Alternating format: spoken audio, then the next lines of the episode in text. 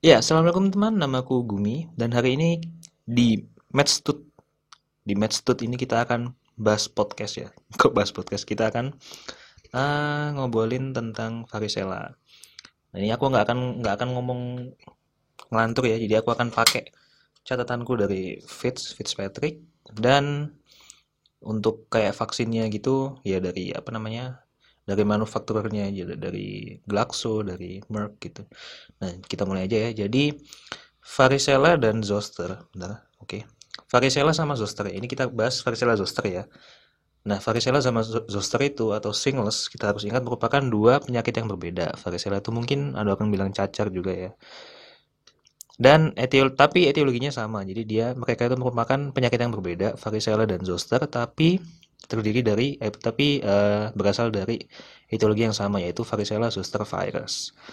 Nah, varicella itu sangat infeksius, sering di anak-anak. Terus kemudian biasanya ruamnya itu dimulai dari wajah, terus kulit kepala, terungkus atau bagian tengah tubuh ya. Terungkus tuh bahasa keren dari bagian tengah tubuh. Terus ekstremitasnya itu relatif sparing atau relatif aman dan jarang-jarang lesinya. Terus lesinya itu cenderung nggak berkumpul di satu tempat ya, cenderung menyebar. Kemudian progresnya itu dari makula, kemudian makulanya itu sebutannya uh, dewdrop on a rose petal. Jadi kayak ada uh, papula gitu misalkan di tengah-tengahnya di tengah-tengahnya ada papula, di sekitarnya itu ada makula erythema gitu. Jadi kayak tetesan dew di tengah rose petal atau di tengah bunga mawar gitulah. Terus setelah makula, papula, kemudian vesikel, pustula sama terus kemudian terakhirnya menjadi krusta. Nah, lesi semua tahap ini munculnya bersamaan gitu. Jadi di misalkan punggungnya kita foto gitu ya. Nah, di situ biasanya itu udah ada lesi makula, papula, vesikel, pustula, ada bahkan ada krusta itu semuanya ada dalam satu foto, dalam satu tempat. Nah, pada anak imunokompromis eh pada anak imunokompeten itu Gejala sistemik itu jarang, jadi varicella itu nggak hanya di kulit, tapi bisa menyebabkan manifestasi di visceral, kayak misalkan stroke, nanti kita bahas lebih lanjut. Dibandingkan dengan dewasa atau uh, usia mana pun yang imunodefisiensi, itu lebih berat manifestasinya. Paling ringan tuh varicella pada anak-anak yang imunokompeten. Nah kemudian, uh, varicella itu jangan lupa dia bisa berujung ke laten karena dia diam di ganglion neuron sensoris, dan vaksin yang terkenal itu adalah vaksin turunannya dari Oka strain yang ditemukan tahun 19 berapa 80 atau 70 gitu. Nah, kemudian zoster itu dia itu dermatomal pain unilateral biasanya dan ruam karena uh, reaktivasi varicella zoster virus yang ada di ganglion neuron sensoris biasanya. Dan kemudian dia itu uh, apa namanya? lesi kulitnya manifestasinya itu ada makulopapula eritem, vesicle, dermatum karena via neuron. Jadi dia tuh kenapa dia dermatomal karena dia menyebarnya bukan karena viremia kayak varicella kan dia kan nyebarnya via darah, via limfatik gitu. Tapi kalau untuk uh, zoster itu dia nyebarnya hanya via neuron. Makanya dia cenderung dermatomal. Kemudian dia itu lebih sering pada dewasa tua atau orang-orang dengan imunodefisiensi.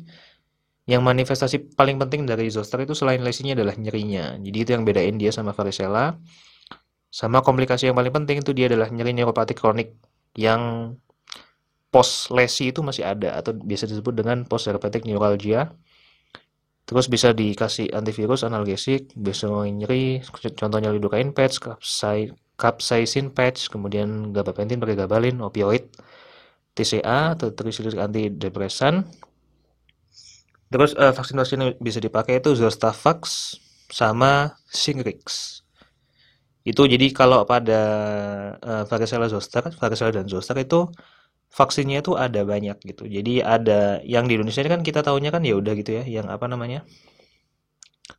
Yang soal anak kecil aja gitu. Jadi yang yang rekomendasi IDA itu yang 12 bulan sampai 18 tahun itu cuma putus sekali. Itu namanya vaksinnya itu Varilrix atau Varivax. Itu uh, kalau menurut CDC itu dua kali kayak gitu gitulah. Itu Selain itu ada yang buat zoster biasanya itu ada Shingrix, ada Zostavax gitu. Nah, itu nanti akan kita bahas di bab vaksin nanti.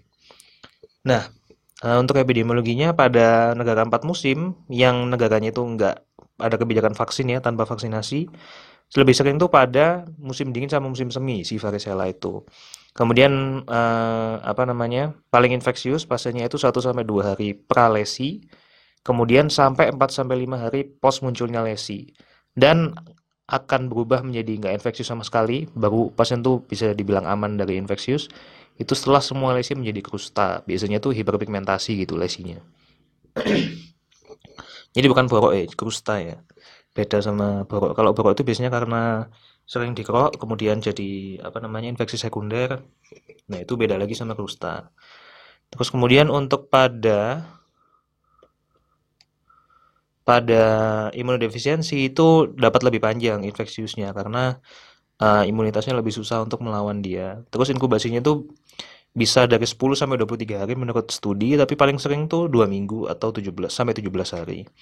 Kemudian ditularkannya biasanya via droplet atau aerosol respiratorik dan uh, meskipun dia itu via respiratorik tapi justru dia tuh jarang diperiksa lab di faring justru dia tuh seringnya di apa namanya cairan vesikel gitu. Nah tapi ada yang bisa diperiksa via faring tuh ngambil cairan orofaringnya itu digunain buat PCR tapi biasanya sih karena terlalu mahal kita nggak pakai. Biasanya pakai zang test aja. Zang test dari uh, cairan vesikel kemudian nemu multinucleated giant cell gitu.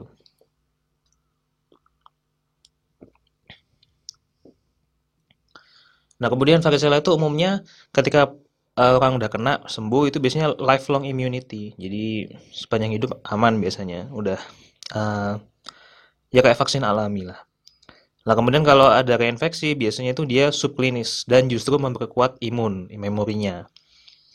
Jadi, uh, kemudian itu kalau episode kedua itu pada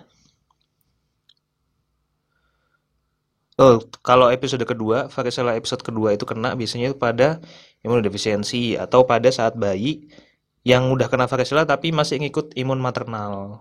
Nah, kayak gitu. Kemudian bisa jadi ada yang namanya breakthrough varicella. Itu terjadi ketika pasien itu udah imunisasi gitu ya. Tapi masih kena varicella yang wild type. Itu breakthrough varicella. Kemudian breakthrough varicella ini biasanya dia itu uh, terjadi karena imunodefisiensi bisa dan terjadi itu insidensinya meningkat, insidensinya meningkat saat uh, vaksinnya itu cuman dilakukan sekali seperti di Indonesia ini rekomendasi IDAI cuma sekali kan. Jadi kalau menurut studi itu second dose itu mengurangi uh, breakthrough varicella. Kemudian uh, faktor resiko mayor untuk zoster itu umur dan turunnya VZV spesifik cell mediated immunity atau memorinya itu. Kemudian uh, lebih sering zoster itu terkena pada pasien HIV, kemudian ditemukan lebih sering pada wanita, kemudian lebih sering pada orang yang kena trauma di kulit sama lebih sering pada orang yang kulit putih. Kemudian uh, kalau yang untuk membedakan misalkan zoster nih, zoster udah kena. Uh, zoster udah kena sekali ya, dermatom ya, misalkan dermatomnya punggung kanan gitu. Lah biasanya itu untuk misalkan zosternya itu kena lagi ya, misalnya ada rekurensi zoster kedua kali, itu biasanya itu dia terkena di dermatom yang berbeda. Jadi misalkan episode pertama kena di punggung kanan, biasanya episode kedua kena di punggung kiri gitu. Tapi kalau dia itu kena di punggung kanan lagi, nah kita perlu pikirkan uh, eh, DDX lain meskipun tetap bisa zoster, tapi salah satu DD-nya itu adalah uh, zosteriform herpes simplex, itu saudaranya mirip-mirip gitu. Meskipun dia itu lebih sering di mulut atau genital gitu ya, tapi kalau zosteriform bisa mirip sekali. Itu kalau episode keduanya sama dermatomnya, itu perlu dipikirin untuk HSV. Kemudian pada varicella itu sebenarnya ada gejala prodromal itu kalau pada anak kecil jarang, tapi kalau pada orang dewasa itu biasanya terjadi dimulai 2 sampai 3 hari pralesi sebelum lesi, biasanya itu demam. Demamnya itu mulai melt sampai ada yang sampai tinggi 40,5 derajat Celcius kalau menurut Fitzpatrick. Kemudian dia ada menggigil, malaise, sakit kepala, anoreksia, nyeri punggung, dan yang agak langka dia bisa nyeri tenggorokan sama batuk kering. Kemudian pada lesinya itu biasanya wajah, kepala, terungkus kayak tadi ya, ekstremitas jarang-jarang, kemudian distribusinya cenderung sentral. Dan lesinya itu cenderung kalau bisa dibilang agak memadat ya, agak uh, banyak itu di punggung di belakang antara scapula. Jadi antara shoulder blade ini itu biasanya uh, konsentrasinya di situ salah satunya. Kemudian dia ini bisa juga di telapak, jadi ada kasusnya lesinya varicella di telapak tangan maupun kaki. Tapi dia itu yang membedakan varicella dengan zoster itu progres lesinya itu cepat. 12 sampai 24 jam tuh dari makula sampai krusta bisa. Kemudian tuh uh, dinding vesikelnya varicella itu tipis biasanya. Dikelilingi sama eritema. Terus kemudian isinya vesikel ini nanti berubah putih, purulen menjadi pustula. Kemudian pustulanya nanti umbilikasi jadi krusta. Umbilikasi jadi krusta. Kemudian uh, vesikel ini juga nggak hanya di kulit ya, dia bisa terbentuk di membran mukosa, mulut, hidung, laring-laring, bahkan sampai esofagus. Namun biasanya uh, vesikel pada mukosa ini cenderung dangkal. Ulkusnya dibentuk juga dangkal, sehingga sering kali orang nggak notice untuk uh, vesikel di mukosa. Kemudian uh, lesinya itu biasanya kalau pada anak-anak yang biasa ya imunokompeten gitu itu lesinya antara 250 sampai 500 vesikel biasanya. Nah, demam itu kalau sudah ada di prodromal itu biasanya terus bakal terus ada sampai lesinya hilang. Kemudian kalau demamnya prolong atau recurrent demamnya itu bisa tanda-tanda secondary infection. Gitu ya. Terus kemudian Hmm. Komplikasi itu di anak-anak jarang. Tapi kalau ada komplikasi biasanya itu secondary infection itu paling sering. Biasanya di bakteri penyebabnya itu Staphylococcus atau Streptococcus. Itu nanti kan kalau udah keinfeksi bisa di impetigo ya atau bioderma. Kemudian bisa ada selulitis, erysipelas, terus kemudian necrotizing fasciitis atau nekrosis pada kulit. Kemudian kalau varicella ternyata muncul bula ya itu bisa jadi karena infeksi Staphylococcus. Jadi kan Staphylococcus ada yang punya eksfoliatif toksin ya. Bisa nyebabin eksfoliasi kulit jadi bula. Kemudian uh, komplikasi yang lebih berat lagi adalah varicella pneumonia. Itu merupakan komplikasi mayor. Jadi tandanya ada batuk, dyspnea, sakit pneu, demam tinggi, demam tinggi kemudian pleuritic pain, ya menusuk-nusuk ya biasanya kayak tusuk-tusuk gitu sama sianosis kemudian ada hemoptisis juga batuk darah. Kemudian kalau terkena pada ibu hamil viremia intrauterin itu bisa terjadi congenital uh, varicella syndrome. Tapi resikonya cukup kecil sih jadi satu persen resikonya kurang dari 20 minggu gestasi kenanya dan resiko tertinggi itu 2% kalau kenanya itu pada 13 sampai 20 minggu gestasi. Sama ada uh, resiko lain tuh apa namanya komplikasi komplikasi lain tuh perinatal varicella atau uh, biasanya itu varicella neonatorum biasanya. Varicella neonatorum itu kalau kena kurang dari 10 hari postpartum.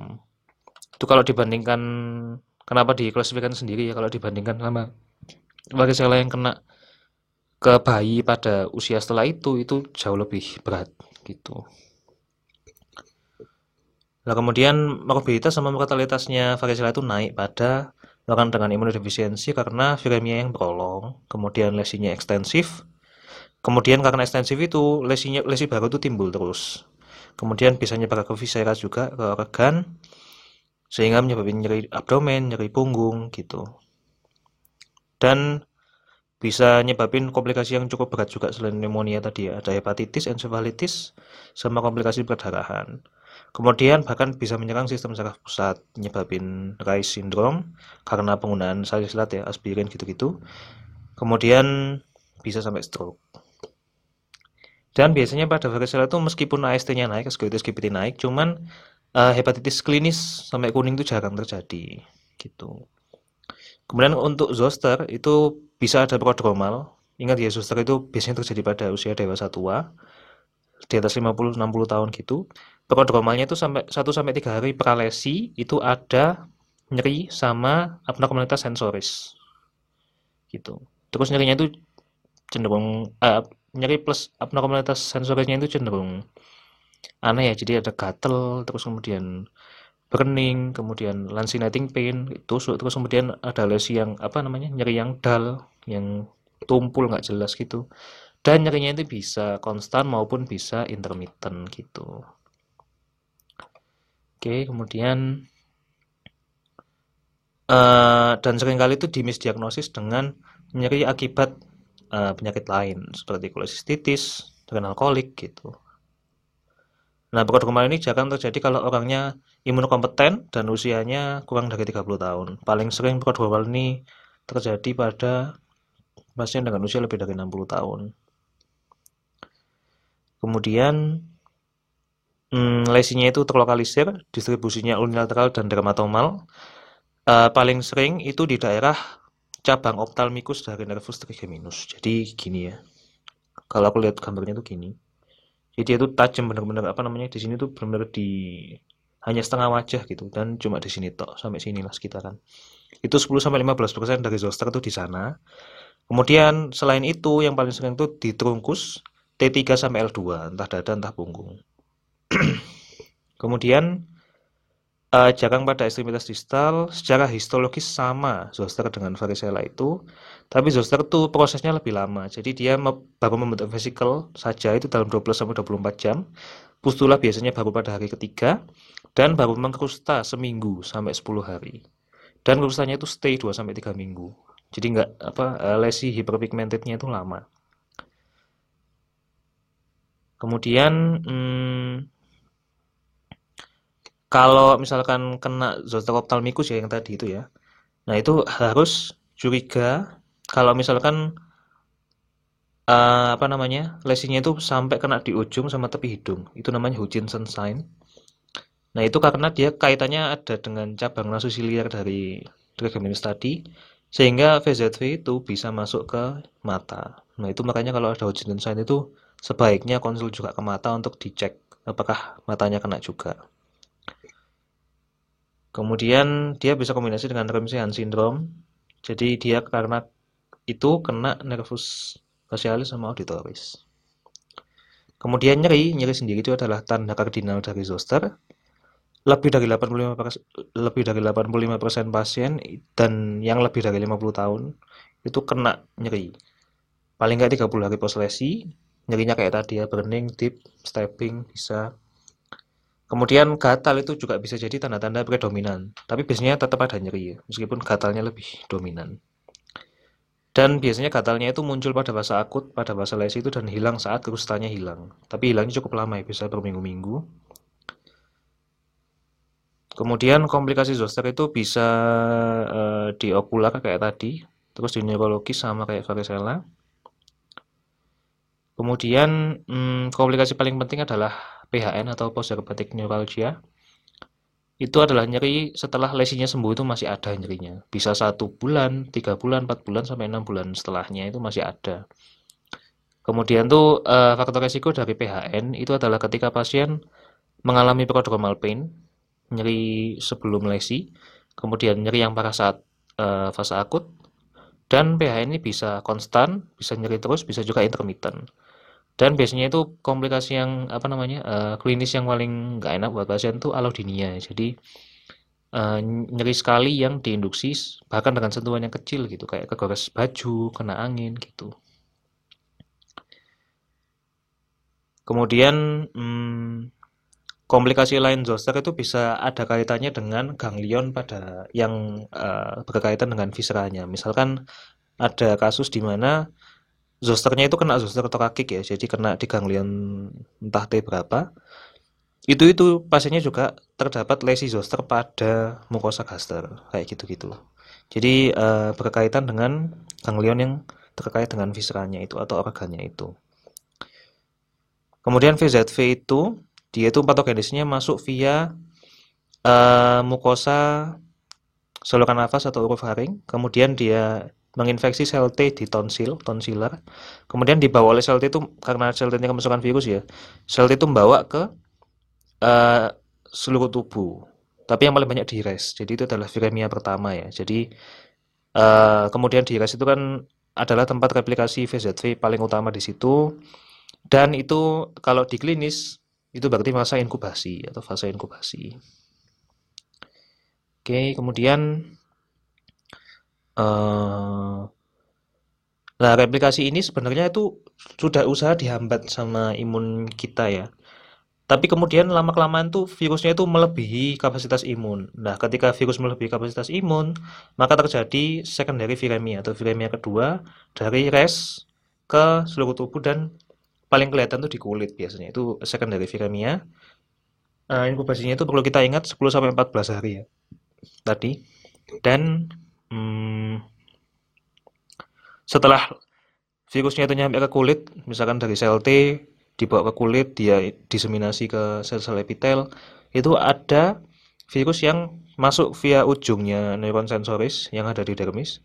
Kemudian dia apa ngikutin neuronnya itu sampai ke ganglion sensoris dan laten di situ. Nah, kemudian eh, PHN kaitannya dengan PHN itu berkaitan langsung dengan kerusakan neuron di ganglion dan peripheral nerve atau atau saraf tepi. Makin rusak itu, makin sakit nyerinya dan makin lama. Kemudian itu juga terjadi selain kerusakan karena kerusakan neuron ya, juga terjadi karena aktivitas uh, nociceptor atau saraf uh, nyeri yang terlalu ekstensif sehingga terjadi sensitisasi pada sistem saraf pusat sehingga menyebabkan allodynia yang tadi. Kemudian tuh varicella itu diagnosanya gimana? Dengan melihat lesinya ya. Jadi uh, yang lain apa namanya uh, laboratorik itu sifatnya supportif bukan diagnostik. Uh, biasanya itu uh, pada anamnesis itu ada riwayat paparan 2 sampai 3 minggu yang lalu entah orang tua entah teman kerja gitu. Kemudian uh, terjadi perubahan lesi yang cepat 12 sampai 24 jam tadi. Dan uh, dia itu sebenarnya bisa mirip dengan zoster yang disseminated. Jadi yang nggak dermatomal zosternya itu ada cuman ya kan bisa kita lihat dari usianya ya, biasanya ya. Dan bi biasanya itu zoster disseminated itu hanya pada pasien dengan imunodefisiensi kemudian uh, labnya zoster sama varicella itu sama persis jadi VZV itu awalnya itu kalau pada kulit ya dia infeksi sel epitel lapisan basal dulu naik ke spinosum Nah, kemudian setelah itu tuh uh, menyebabkan akantosis atau pelepasan ikatan ikatan antar sel atau dismusum. Jadi lepas ke isi cairan maka jadi vesikel. Lah kemudian vesikel terjadi vesikel kan. Nah, si sel-sel epitel yang terinfeksi ini akan bersatu dengan sel epitel lain yang terinfeksi maupun tidak. Pokoknya yang ada di dekat dia. Nah, peristiwa ini namanya adalah uh, apa namanya? multinucleated giant cell ya. Itu yang bisa kita lihat dengan zang test dengan cara scraping dasar bula kemudian dicat dengan hematoxylineosin atau jimsa. Itu zang zang test ya. bisa juga dilakuin dengan cara lain yang paling sensitif dan spesifik itu adalah PCR. Kultur virus tidak disarankan dan bisa juga dilakuin immunofluorescence. Nah kemudian treatmentnya itu biasanya adalah asiklovir ya. Biasanya 800 mg kali 5 gitu sehari 7 sampai 10 hari gitu uh, mungkin bisa googling sendiri kalau dosis lengkapnya ya nah siklovir ini dia itu menghambat uh, eh, DNA polimerase dari virus jadi itu dia menghambat sintesis intinya itu dari virus nah kemudian dia kalau resisten kalau resisten itu karena si asiklovir ini harus diproses dulu sama enzim namanya timidin kinase yang ada di varicella. Nah, ketika asiklovir resisten itu biasanya penyebabnya karena timidin kinasenya ini. Nah, makanya lini keduanya itu adalah foscarnet, di mana sebenarnya kerjanya itu mirip sama-sama menghambat DNA, cuma dia itu nggak diproses oleh timidin kinase, bedanya di situ. Dan uh, resisten asiklovir itu kapan dikatakan dia resisten? Ketika udah diterapi sama asiklovir selama minimal 10 hari tapi lesinya tetap ada itu namanya resisten asiklovir varicellanya ya Ya, kemudian kalau pasiennya itu kena, itu biasanya kalau pada imunokompeten dan pada anak-anak terutama, itu nggak perlu dikasih antiviral, biasanya cuma simptomatik ya. Biasanya untuk kulitnya terutama itu dikasih kompres dingin untuk mengurangi inflamasi aliran darahnya gitu. Kemudian sama losio kalamin 1% biasanya. Nah itu Kalamin itu uh, ada efek antihistamin ya, jadi mengurangi gatal meskipun mekanismenya belum diketahui. Dan ada juga yang bilang untuk dikasih baking soda sama oatmeal ataupun jagung-jagung gitu. Nah itu kalau di fit juga bisa katanya itu untuk mempercepat pengeringan vesikelnya itu biar cepat jadi kusta. Kemudian bisa juga simptomatiknya dikasih uh, antibiotik kalau demamnya itu boleh, tapi jangan pakai salisilat karena bisa kena Rai syndrome ya. Jadi jangan pakai aspirin. Kemudian kalau ada secondary infection ya silakan dikasih antibiotik. Kemudian setelah itu uh, steroid sama losio yang oklusif kayak mungkin Vaseline gitu-gitu itu tidak disarankan untuk varicella karena uh, manfaatnya kurang terlihat gitu pada studi ya. Kemudian kalau pada zoster itu sama ya, jadi untuk kulitnya sama, kemudian terapinya juga sama, siklovirnya sama. Tapi dia itu ada tambahannya bisa dikasih analgesik kan karena dia nyeri. Itu analgesik yang bisa diberikan bisa kalau menurut studi paling baik oksikodon juga bisa, gabapentin juga bisa. Nah, itu uh, untuk target fase-nya itu di bawah 3. Kemudian uh, kalau untuk PHN itu kalau menurut studi bisa dikasih gabapentin, pregabalin, TCA opioid, tramadol, tramadol, kemudian uh, lidopatch, lidocaine patch sama capsaicin patch. Itu semuanya bisa dan bermanfaat. Kemudian untuk vaksinasi ya, vaksinasi itu kalau pada FITS itu yang dibahas ada Varif, Varil, sama Varivax itu seperti yang di Indonesia ya. Jadi untuk anak kecil itu dikasih kalau idai itu dari 12 bulan sampai 18 tahun silakan rekomendasi idai itu sekali tapi kalau rekomendasi CDC gitu-gitu WHO dua kali dan itu dikasihnya itu biasanya setengah cc uh, ada yang bilang subkutan ada yang bilang IM ya. Kalau di webnya Glaxonya di manufakturernya itu uh, subkutan. Itu terus biasanya deltoid kemudian dikasihnya itu jaraknya 4 sampai 6 minggu minimal untuk boosternya yang kedua. Kemudian yang kedua ada Zostavax oh kalau di Fitz ada tiga cuman. Yang kedua ada Zostavax itu dikasih buat uh, apa namanya? Buat zoster ya biasanya itu dikasih di atas 60 tahun biasanya.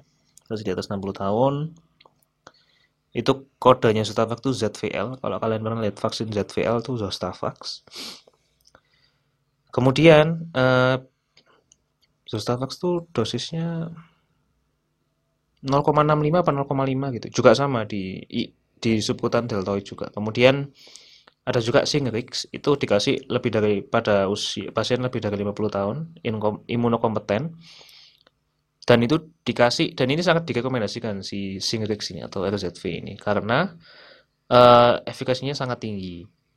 Nah, uh, Singrix ini terdiri dari uh, imunoglobulin E-nya virus VZV. Jadi dia pasti aman, maksudnya tidak menyebabkan infeksi justru ya karena dia bukan virusnya cuma globulin E-nya saja dan dia ada ajuvannya. Jadi kombinasi antara imunoglobulin E sama ajuvan dari saponin dari tumbuh-tumbuhan gitu.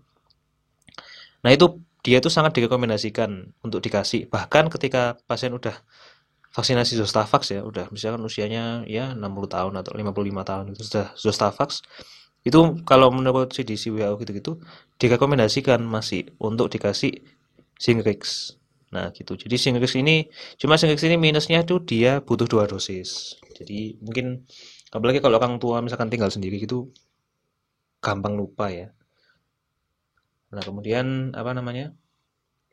Uh, si sini kan dua dosis, itu dikasihnya itu IM beda sendiri, IM deltoid biasanya. Intervalnya itu 2 sampai 6 bulan antar antar uh, dosisnya.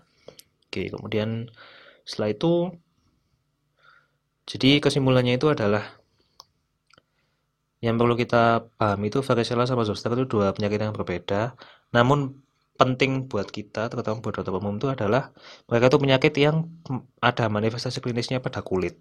Dan seperti kita tahu semua, orang Indonesia tuh apa ya nggak akan datang ke dokter kalau sampai sakit banget gitu loh. Atau kalau sampai kalau lihat dia tuh nggak apa dia sendiri tuh nggak enak secara kosmetik dipandang gitu ya. Misalkan terutama karena penyakit-penyakit yang ada manifestasi di kulit kayak gini. Itu biasanya orang Indonesia tuh pasti langsung datang ke dokter gitu. Kalau cuma sakit apa sakit apa cari-cari obat di apotek gitu-gitu. Tapi kalau sampai ada manifestasi di kulit tuh biasanya orang langsung datang wis. Nah itu makanya ini penting buat kita dan apa namanya penting buat kita untuk membedakan dua penyakit ini juga dengan herpes simplex yang zoster gitu ya. Itu dari klinisnya dulu terutama ya. Jadi karena kan kita kan ada baiknya itu memahami penyakit cukup dari klinis gitu. Itu sudah uh, apa ya akan dipandang sebagai dokter yang keren lah. Kalau bisa apa ya nggak nggak perlu mengenalkan banyak uh, lab banyak X-ray gitu-gitu. Akan jauh lebih baik ya. Yang perlu kita ingat perbedaannya itu pertama pada epidemiologi dulu. Jadi uh, varicella lebih ke anak kecil zoster lebih ke orang tua kemudian pada progres lesi varicella itu jauh lebih cepat 12 sampai 24 jam semua fase bisa sampai krusta. Kalau zoster itu bahkan seminggu baru krusta biasanya ya di Fitzpatrick kayak gitu. Kemudian uh, perlu kita pahami misalkan orang kalau nanya kalau udah kena cacak apa bisa kena lagi? Ya tentunya bisa kalau imunodefisien ya. Kayak tadi bahkan udah vaksinasi bisa kena cacak lagi kan? Breakthrough breakthrough varicella. Mungkin udah orang nanya lagi itu pada misalkan suatu saat ada kakek nenek gitu ya ada mbah-mbah kok mbah saya kok kayak kena kayak cacar gini ya tapi uh, dermatomal. Oh berarti zoster gitu. Obatnya apa tahu? Dan yang penting juga bisa ngasih advice ke pasien atau ke keluarga pasien buat merawat lukanya tadi ya. Jadi ya losio kalamin tadi kan kompres dingin kemudian bisa dikasih apa namanya oatmeal gitu gitu tadi juga bisa dipakai.